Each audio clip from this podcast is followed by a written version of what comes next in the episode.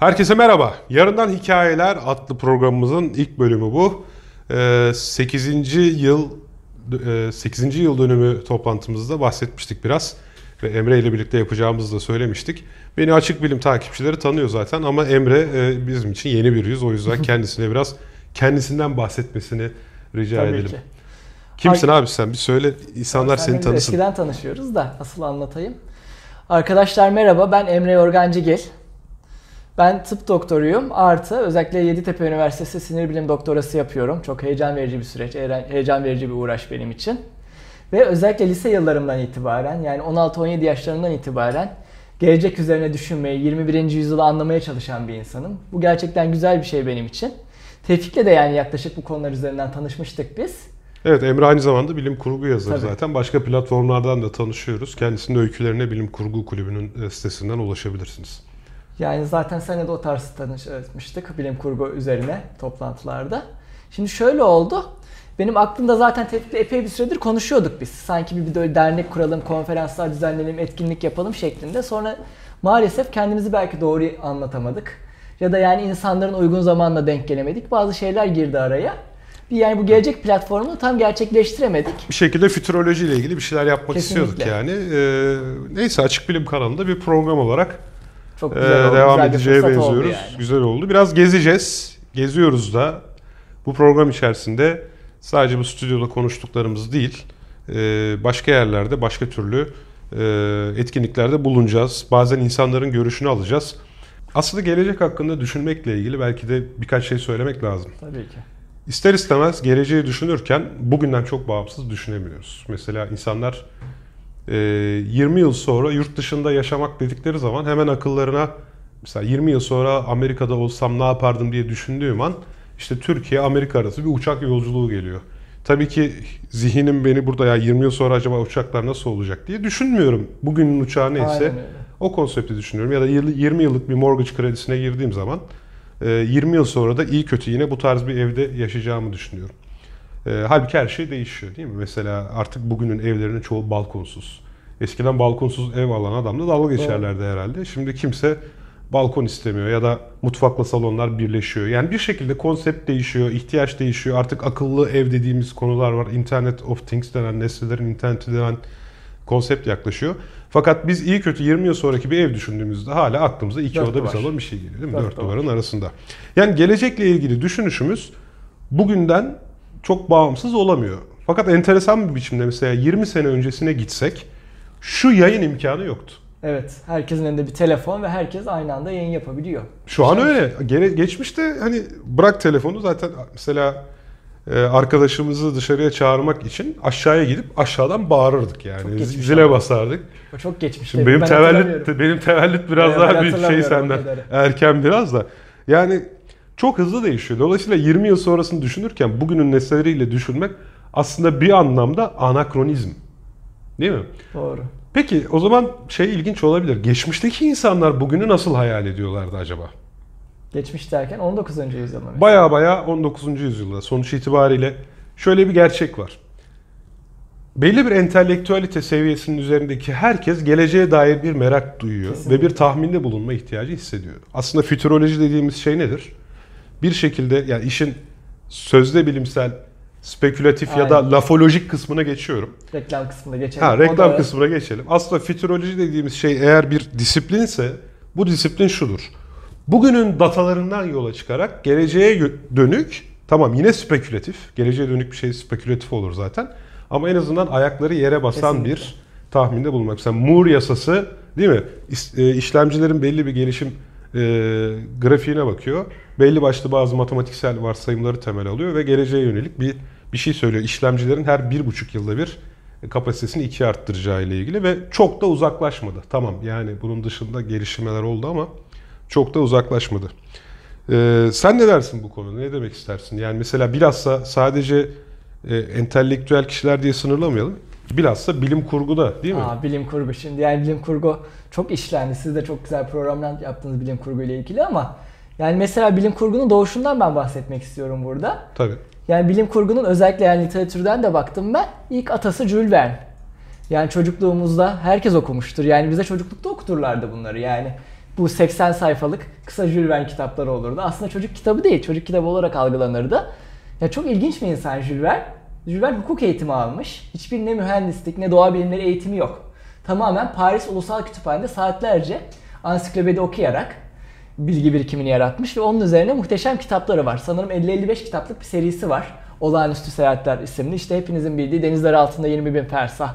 Dünyanın merkezine yolculuk. Ay'a yolculuk. Ay'a yolculuk. Hem dibe gidiyor adam hem göğe gidiyor. Her yeri bir şekilde düşünmüş yani. Ay'a nereden gidiyor? Nereden? 1860 yıllarında Ay'a Florida'dan gidiliyor. Düşünebiliyor Bu musunuz çok yani? enteresan aslında. Niye? Fransız değil mi Jules Verne? Jules Verne Fransa'da Fransız. yaşıyor. Yani Avrupa'da yaşıyor değil mi? Amerika'ya gidip gelmek gibi bir şey var mı onun bilmiyorum. Yo, Amerika'yı gezmiş, New York'u falan gezmiş. Amerika'nın sanayileşmesinden haberdar ama gene de yani 19. yüzyıllarda Fransa ile İngiltere sanayileşme ve teknoloji açısından Amerika'ya denk ülkelerdi. Ona rağmen Hatta daha ileri. Ya 1860'larda Amerikan teknolojisinin. Avrupa'dan ileri olduğunu Değil, düşünmüyorum. değil. Hele mühendislikte İngiliz ve İskoçlar bilhassa o dönemde çok Onlar öncüydü. Sanırım orada e, silah sanayi üzerine çok gelişmiş olduğu için iç savaş e, geçmişi de vardı Amerika'nın o yıllarda. Zaten gönderilen bir barutlu bir toptu. Silah sanayisi yapıyor, üretiyordu onu Florida'da. Ama Florida'nın seçilmesi çok manidar. Yani o e, dönence yakın olması, Acaba 27. evet enleme e, yakın herhalde olması. değil mi? Belki onu da söylemek lazım. Uzaya bir şey fırlatacaksanız ekvatora yakın olmanız avantaj. Çünkü dünyanın çizgisel hızından faydalanmış Momentumdan, oluyorsunuz. çizgisel momentumun yüksek olması arkadan almak açısından. Ama şu da olabilir mesela sanayinin boyutları açısından sonuçta yani İngiltere, Fransa kıta Avrupa'sında belli ülkeler yani ne kadar sanayileşecekleri, ne kadar gelişecekleri Jules Verne gibi entelektüel bir insan da az çok tahmin etmiştir ama Amerika yani kocaman bir kıtadaki başat güç ve yani Jules Verne'in yetişkinlik yıllarında hakikaten Amerika muhteşem bir sanayileşme ve gelişme gösterdi. Hem zihinsel anlamda hem yani teknolojik anlamda belki o potansiyele yani böyle öncü bir şeyler yapılacaksa 20. yüzyılda Amerika yapmış diye düşünebilir Vallahi yani. bravo. Şimdi. Eğer onu, öngörebil onu öngörebildiyse gerçekten muazzam. Tabii şunu düşünmüş olabilir. Kıta Avrupa'sı hep birbirini yedi biliyorsun. Aynen öyle. Her ülkenin çevresinde bir tehdit unsuru var. Amerika aradaki okyanus sayesinde öyle kolay kolay gidip işgal edebileceğiniz bir yer değil. Bu yüzden kaynaklarını Sınırsız bilime daha kaynaklar, rahat kesinlikle. ayırabilir diye düşünmüş olabilir Jules Verne. Tabii bilemiyoruz şimdi onun adına da bir şey söylemeyelim. Enteresandır işte dediğim gibi o tarihte e, bütün entelektüel insanların geleceğe dönük bazı şeyleri var. Mesela şuradan kendi yazımdan Aynen. ben örnek alacağım. Güzel bir açık bilim yazın var senin? Ben de Çok eski ettim. bir açık bilim e, yazım var. Geçmiş zaman fütürologları diye. Mesela bilirsin o adını gaz fiziğinden biliriz. Boyle kanunları vardır. Robert Boyle. Robert Boyle'un e, Kraliyet Akademisi'ni keşfettiği bu el yazması notları var. O notlarda bir gün uçulacağı, ortalama ömür beklentisinin uzayacağı, sürekli aydınlık kaynaklarının keşfedileceği çok Sürekli enteresan. aydınlık. Şimdi karanlık insanın en önemli problemlerinden biri aslında o dönemde. Sürekli aydınlık kaynakları derken ışığı kastediyor. Sonuçta şu an işte Tabii. elimizde elektrik olduğu sürece bir şekilde ışığa erişiyoruz. Ve uyku hapları, antidepresanlar, yapay stimülanlar, tabii o yapay stimülan demiyor da bunlar insanların yorumları. Şeylerin tohumsuz da üretilebilmesi, things diyor orada şeyler. Ee, yapısıyla oynanmış canlılar. GDO. Ki, evet, yani o Hayır. dönemde kalıtım keşfedilmediği için Yapısı ee, diyor. Yani neyi kastettiği çok enteresan ve hastalıkların uzaktan tedavi edilmesi. Yani ben 17. yüzyılın sonunda oturacağım, geleceği düşünürken ki ben aynı zamanda bilim insanıyım. Yani bu şey gibi bir şey değil. Ee, Yunan filozoflarının oturup da bir idealar dünyası Hayır. tanımlamasından bahsetmiyoruz. Hani bir şekilde Doğa bilimci sonuçta. doğa bilimci ve Metodik o zamanki teknolojinin gidişatına bakarak bir takım alanlardaki en uç erişilebilecek noktaları tanımlıyor. Ve neredeyse hepsinde haklı çıkmış. Çok enteresan. Ama şu da var yani yoruma da açık yani o sonuçta ayrıntılarıyla yazmıyor. Yani biz sonra bakıyoruz hakikaten Boy bunu düşünmüş de diyor olabilir. O da ayrı bir tartışma. E tabi konusu. şimdi ya da Boyle belki 100 tane salladı. Sadece Aynen tutanları Aynen internette yazıyoruz. Boyle belki o zaman Yorum çok başka şeyler de açıkçası. söylemişti yani. Evet. Ama hayır bir şekilde sonuçta 17. yüzyılda ama insanın antidepresan Gerçi düşünüyorum şimdi belli başlı otlar var. Aldığın zaman kafa yapıyorsun aynen. sonuçta. Aynen yani kafa yapıyor. Diderot da, Denis Diderot, o da e, Lettre sur le ovulage à la l'usage de ceux qui voient diye bir eseri varmış bunun. Diğer, diğer. Ee, orada da bu arada doğal seçilimi Darwin'den çok daha önce doğal seçilimle ilgili bir e, benzer bir fikir öne sürmüş. ve bilincin düşünce maddesinden oluşan ve beynin fiziksel olarak oluşturduğu bir materyal olduğuna inanıyor zaten Diderot. Çok güzel. Ve bu cümle. yüzden de makinaların da canlı varlıklar gibi zeka ile donatılabileceğini iddia ediyor. makinelerin zeka ile dolanması, yapay Evet. zekanın teorik olarak yani dile getirilmesi. Evet ama tabii burada varsayım ya hani düşünce maddesi diye bir şey düşündüğü için madem düşünce madde o zaman maddeye zevk Yani ederim. O da artık böyle. zeki olur falan ruh diye gibi, eter gibi sanki. Evet evet evet. So- somut bir şeye yani düşünceyi, zihni odaklamak istiyor. Evet bu da biraz senin dediğine benziyor. Mesela kutsal metinlerde de bir sürü şey söylüyor. Evet. Yani bazısı bugüne uyuyor diye. Ama ta o zamandan biliniyordu falan gibi. Çok yani. Aynen aynen. Nereden baksan. Ya bunların eminim bazısı tabii daha sağlam ayakları yere basan atışlar da bazıları tabii biraz tesadüfi olabilir. 18. yüzyıl, biraz daha 19. yüzyıl olsun, biraz daha bir sanayileşme olsun. O zaman yani gittikçe, yani 20. Evet. yüzyıla yaklaştıkça kehanetler demeyeyim de artık yani tahminlerin de isabeti artacak tabii. Şimdi o zaman sosyolojinin de doğduğu yıllar aslına Tabii. bakarsan. Yani bir şekilde toplumların nereye gideceği, insan yapısının neye dönüşeceği ile ilgili böyle herkes düşünüyor. İşte o yüzden Condorcet, o meşhur aydınlanma çağı düşünürü, aynı zamanda hem matematikçi ve siyaset bilimci.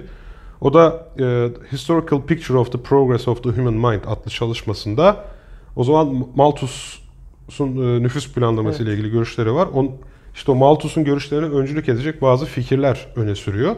İnsanın sınırlı ömrünün çatışmaların kaynağı olduğunu öne sürüyor ki bu iktisadın temel prensibi. O dönemlerde yükselen bir bilim iktisat. İşte burada Condorcet bilim ve sanattaki gelişmelerin gelecekteki insanı dönüşüme uğratmaya ve beynin yapısal olarak geliştirmeye muktedir olduğunu iddia ediyor. Yani bir şekilde gün gelip insanın beyninin yapısal olarak gelişeceğini iddia ediyor. Yani çok güzel bir yorum da nasıl böyle bir şey yapmış? O ya elindeki veriler neler, elindeki yani düşüncesini yapmak, neden sonuç ilişkisi neler merak ediyorum. Yok doğrusu. bence neden sonuç ilişkisi yok. Aslına bakarsan işte gün gelip sırtımıza bir anti gravitonlu Kanat işte takacağız. kanat takıp uçacağız falan demeye benziyor biraz ama Yani netice itibariyle eğlenceli yani. düşünmesi güzel oluyor biliyor musun bugünden yani. Evet aynen aynen.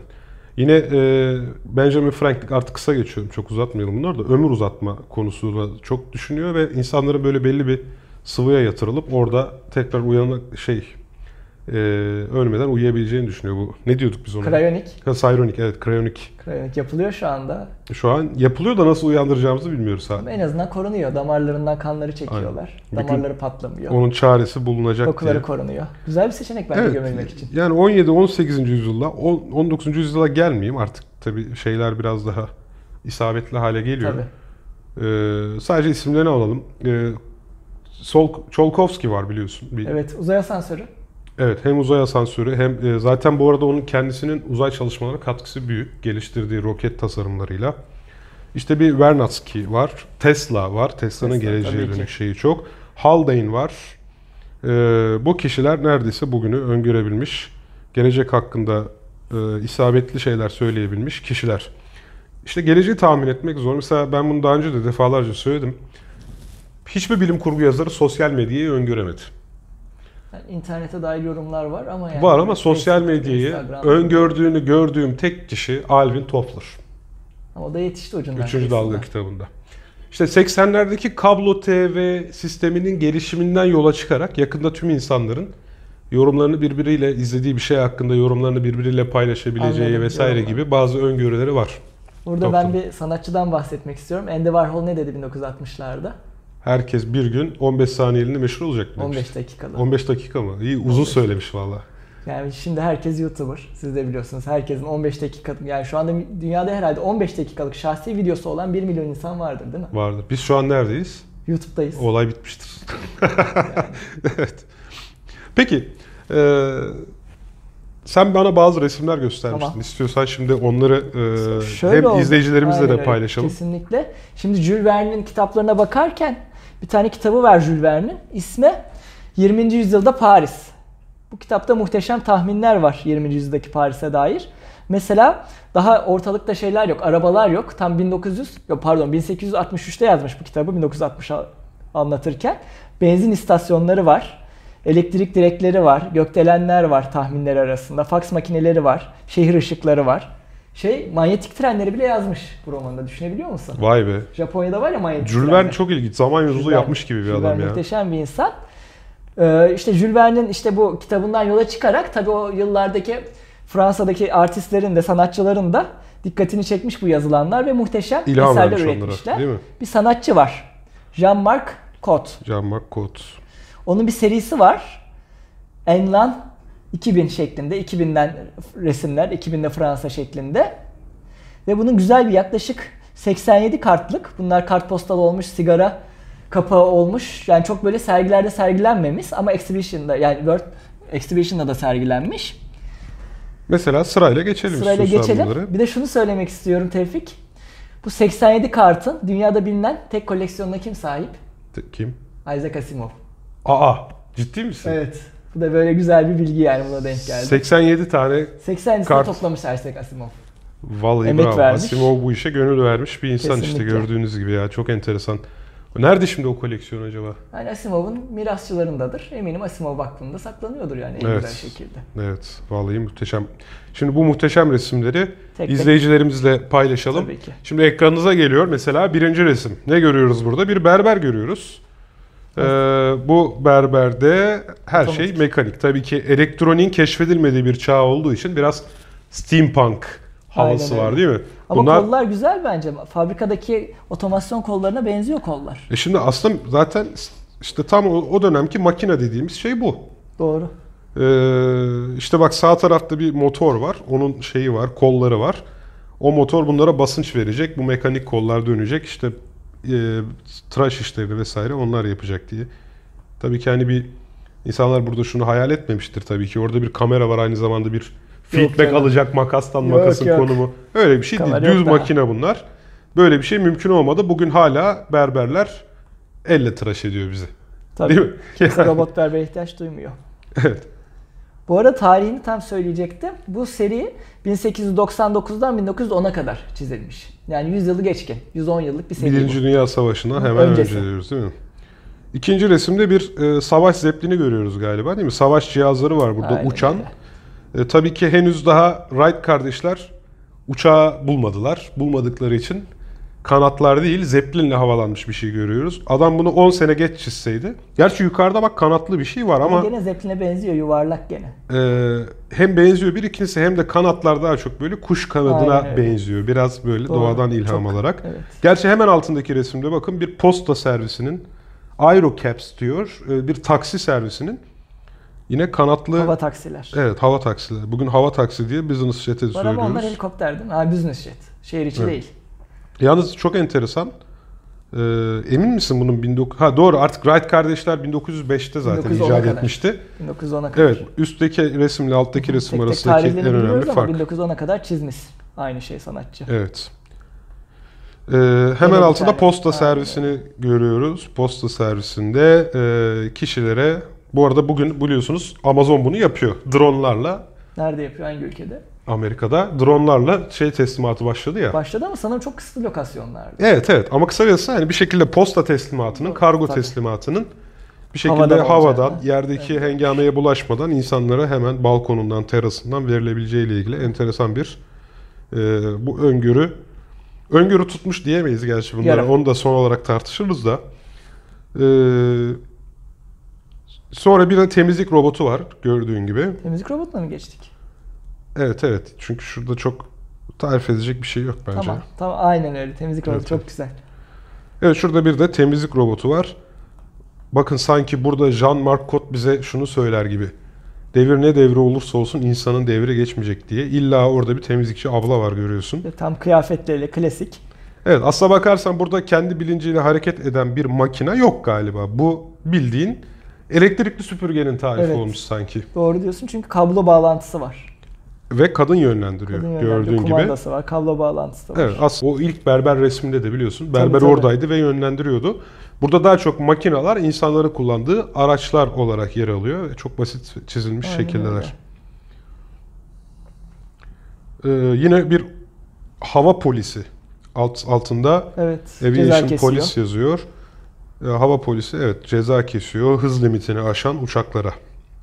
Uçaklar o sırada havada yalnız hover'da durabiliyor. Bu imkansız yani biraz öngörü. Helikopterli uçak. Aerodinamik olarak. Aa bak helikopter var şimdi. Ha hemen altında ama helikopter var. İşte bu durabilir. Ee, Güzel çizmiş bunu. Evet. Advanced Sentinel yine helikopter diyor. Bu Sentinel derken devreye gezen bir gözcüden bahsediyor değil Evet. mi? Askeri amaçlı kullanılabileceği ile ilgili daha çok. Bir de yumurtaları civcive çeviren bir makine var burada. Ama çok güzel. Yani o kuluçka süresine yani tavuğun ısısıyla değil, tavuğun yani vücudunla samanlık arasında değil tamamen böyle o- yani kasaya benziyor bu. Ya bir de Hakikaten fazla hızlı yapıyor ama sanki. ha. Şuradan hızlı yumurtayı orada. koyuyorsun, Yumurtayı öteki koyuyor, taraftan civciv öyle çıkıyor. Bu daha böyle teknoloji yok. Ama güzel bir fikir bence yani. Bir kasaya yumurta koyuyorsun, civciv çıkıyor. Fikir Aslında- açısından. Buna şöyle bakmak lazım. Burada gıda üretiminin hızlanacağından bahsediyor şair bize sanki. şey gibi yani şu anda mesela tavuk üretme çiftliklerini düşünürsen buna yakın manzaralar var şu andaki tavuk Neredeyse böyle toplamdaki hıza yani üretim verimine bakarsak buna yaklaşılmış. Aynen Yani e, belki şöyle konuşmak lazım. Genel çerçeveye baktığımız zaman Jean-Marc Cot bir ulaşım, iki gıda üretimi, üç gündelik hayattaki hizmetlerin. Evet. e, üretiminde e, hep kafa yormuş gibi görünüyor. Ya günlük hayattan bir de ben şunu söylemek istiyorum. İlk bu resimleri gördüğümde, gene yani ben sanırım bir bilim çocuk dergisinde görmüştüm bu resimleri ilk çocukluk yıllarımda. Ya şu dikkatimi çekmişti. 2000 yılından bahsediyor ama yani insanların kıyafetleri, evlerin yapısı, işte e, bütün ayrıntılar sokağa dair 19. yüzyıldan sadece ya senin, senin de, senin de yani steampunk diye dediğin o bilim kurulundaki steampunk akımına uygun olacak şekilde sadece mekanik işte buhar temelli teknolojiler gelişmiş. Onun dışında her şey olduğu gibi Tabii aynı. tabii. Bak şimdi şu Her şeye şey. bir daha bakalım tavuk şeyine. Yani tavukları anında üretebiliyorsun ama hala çiftliğini bildiğin telle koruyorsun. Telle koruyor. Ev aynı 19. yüzyıl evi. Kadının Aa, kıyafetleri, Kadının çarığı, kıyafetleri öyle ya. Aynen. bez çarık var ayağında. Aynen. Kendisine korunaklı bir ayakkabı yapamamış insanlar ama e, civcivleri Makineden çıkarıyorlar. makineden çıkarabiliyorlar. Şimdi daha enteresan bir şey var. Ee, bakın 3 tane sırayla görüyor şu an izleyicilerimiz. Jean Marc Cot sadece havacılık değil su altında da bir Evet. yaşam olacağını düşünmüş. Evet. Bu yüzden su altında bak 3 tane resim var burada şu ana kadar. İşte e, bir şekilde insanların su altında da yaşadığı, orayı da bir yaşam alanına çevirdiği, işte su atı benzeri makinalara bindikleri ya da balıkları evcilleştirip Balıkları onunla yarış yapıyorlar galiba burada değil mi? Bir yarış yaptıklarını görüyoruz. A Race in the Pacific'miş e, şeyin adı da. Gördüğün gibi bir şekilde gelecekte insanın su altını da e, meskun mahal hale getireceğini öngörüyor. Ama bundan epey uzağız. Yani Evet. yani pratikte yanına bile yaklaşamıyoruz. ya böyle bir şey ihtiyaç ihtiyaç, yok, duymamışız. ihtiyaç yok. Böyle bir ihtiyaç yok yani. Yani suni adalar yapıp üzerinde yaşamak. Yoksa suyun altına tünel yapıyoruz işte sonuçta 40 kilometre karşıya gidiyoruz yani. İşte ilginçtir. A Well Trained Orchestra diye Çok geleceğe güzel. dönük bir resim. Ee, oradaki hiçbir sanatçı yok. Ama Orkestra şefi bir şekilde bütün cihazları çalabiliyor. çalıştırıyor. Ama komik olan da şu. Cihazlar aynı. Yani viola aynı, keman aynı, saksafonlar hepsi Tabii. aynı. Sadece onları böyle teller, kollar bağlamışlar. Otomatik. Yani bu bakış açısı hakikaten farklı. Yani bir yandan çok teknolojik ama bir yandan çok Değil. basit. Evet, elektronik yok burada. Yok, tamam. yok. Elektronikle şey ilgili bir mekanik. kafa yok yani. Her şey mekanik sadece kullanımı kolaylaşmış. Başka hiçbir şey yok. Ee, yine hareketli ev yapmış. Yani Karavan. bence evet. Çok bir şeyi yok. Tevfik bak bu favorim benim. O Evet, çocukluğumda benim de gördüğümde favorim. de favorimde. Ya bu resimdeki her ayrıntıyı yani değerlendirmek istiyorum ben. Şimdi bir tane hoca var belli yaşlı başlı eski zaman 19. yüzyıl profesörlerinden. İşte bir tane öğrenci ya da şey görevli kitapları alıyor, atıyor makineye, çeviriyorlar çarka. Sonra insanların kafasında elektrotlar var. O elektrotlardan öğreniyorlar. Yani bu çok güzel. Ya bu Yani fikir çok güzel ama komik güzel olan de- kitapları atmak. Kitaplardan sanki böyle kağıt kırpma makinesi gibi bir şey atıyorsun sen. Ha, kitabı öğütüp çocuklara veriyor gibi Yani- oluyor da. Ama yani, öğütme de şey değil böyle kulaklarından böyle kağıt sokmak falan değil. Bildiğin yani elektrot. O zaman biliniyor da herhalde Elektrot mu yoksa o onlar kulaklık mı? Ne dersin? Ben elektrot olduğunu düşünüyorum çünkü o teller filan ben ben de yani böyle bir kulaklıktan ziyade elektrikli bir tel izlenimi uyandırdı o yıllardan. İlk defa elektriği. bu elektrik elektroniğe dair bir şey gördük bu arada bu resimler ben arasında öyle değil mi? düşünüyorum yani. Yine bir e, ablamız burada mekanik kollar aracılığıyla kendine sadece parmağını oynatarak makyaj yapabiliyor. Güzelliğini, tuvaletini Fransızca konuşursak Aynen öyle. e, tuvaletini sağlıyor bu şekilde. E, bir savaş arabası görüyoruz. Battle cars, zırhlı muharebe araçları bunlar. gördüğümüz Yaklaşmış kadarıyla. da. Birinci Dünya Savaşı'nda oldu böyle şeyler. Aynen öyle ve tabii ki makinalı tüfek var. İnsan kullanıyor. Oradan kurtulunmuyor. Yine bir uçak e, resmi. Burada bir bombardıman söz konusu. Yerden fırlayan taşlara bakarsak aşağıda da kaçışan insanlar var. Savaş o zamanki insanların hayatının gerçeğiydi. Tabii. Böyle şeyler çizerken hiç gocunmuyorlardı. Yine su altında oynanan bir oyun görüyoruz. Bakın yani su altı ile ilgili Jean Marc'ın yani bütün öngörüleri biraz çuvallamış gibi görünüyor. Yine su altında bak. Balinayı evcilleştirmişler. Evet, balinalı bir otobüs. Ee, evet, Çok ilginç. Çok enteresan. Var mı özellikle buradan birisi için söyleyeceğim bir şeyler? zaten bugün bunu hatırlama sebebim, Google'dan bulma sebebim olan resim öğrenci resmi, sınıf resmi. Yani muhteşem bir resim. Yani ilk çocuklukta gördüğüm zamanda da aklımda kalmış. Yani bakıyorum çocuklar böyle çok eski kıyafetler giymişler. Bir 19. yazı hocası böyle sakallarıyla. Bir tane adam çark çeviriyor. Bir kitapları atıyor sanki böyle makineye oradan. Ne oluyor artık taranıyor mu onlar? Şekilde. Yani ilginç ama yani yine anakronik. Düşünsene her şeyi çözmüşsün. İnsanların kafasına kitapları böyle elektrikle aktarıyorsun ama hala o çarkı çevirmek için birine ihtiyaç var yani. Doğru komik. Bu da enteresan. Evet. eee, sadece bu arada elektrik, elektronik içeren yegane şey. resim bu galiba değil mi? Jean-Marc Cotte'nin çizdikleri arasından. Doğru. Sanki elektrot denebilir. De, daha fazlası nerede demiştin? İzleyicilerimiz Şey, merak Wikipedia. Commons'ta. Sanırım bu e, genel olarak 16-20 tanesi en ünlüler. Sitelerde onlar çıkıyor ama Wikipedia Commons'ta 50'ye yakını var. Toplam zaten 87 e, e, parçalık tam koleksiyonun Asimov'da olduğunu söylemiştik. Evet. Yani çok güzel. Yani özellikle şu güzel. Yani 19. yüzyıl insanların yaşam biçimini eğer bizim teknolojimiz konursa ne olur? Öyle bir yani çatışma var. Evet, eklektik bir eklektik bir yapısı var resimlerin. İlginç olur yani öneririz bütün izleyicilere. Evet. Evet, programımızın sonuna da geldik bu arada. Birinci bölümümüz burada sona ersin. Ee, haftaya gezeceğiz. Değil mi? Güzel yerlere gideceğiz. Nereye Müzeye gideceğiz? gideceğiz haftaya. Perili Evet. Köşk'e. Perili Köşk'e gideceğiz. Orada Çağdaş Sanat Müzesi var bir tane. Ee, çağdaş sanat der gibi oldum değil mi? Konu çağdaş sanat olunca. Cont- Contemporary contempo- contemporary sanat var orada.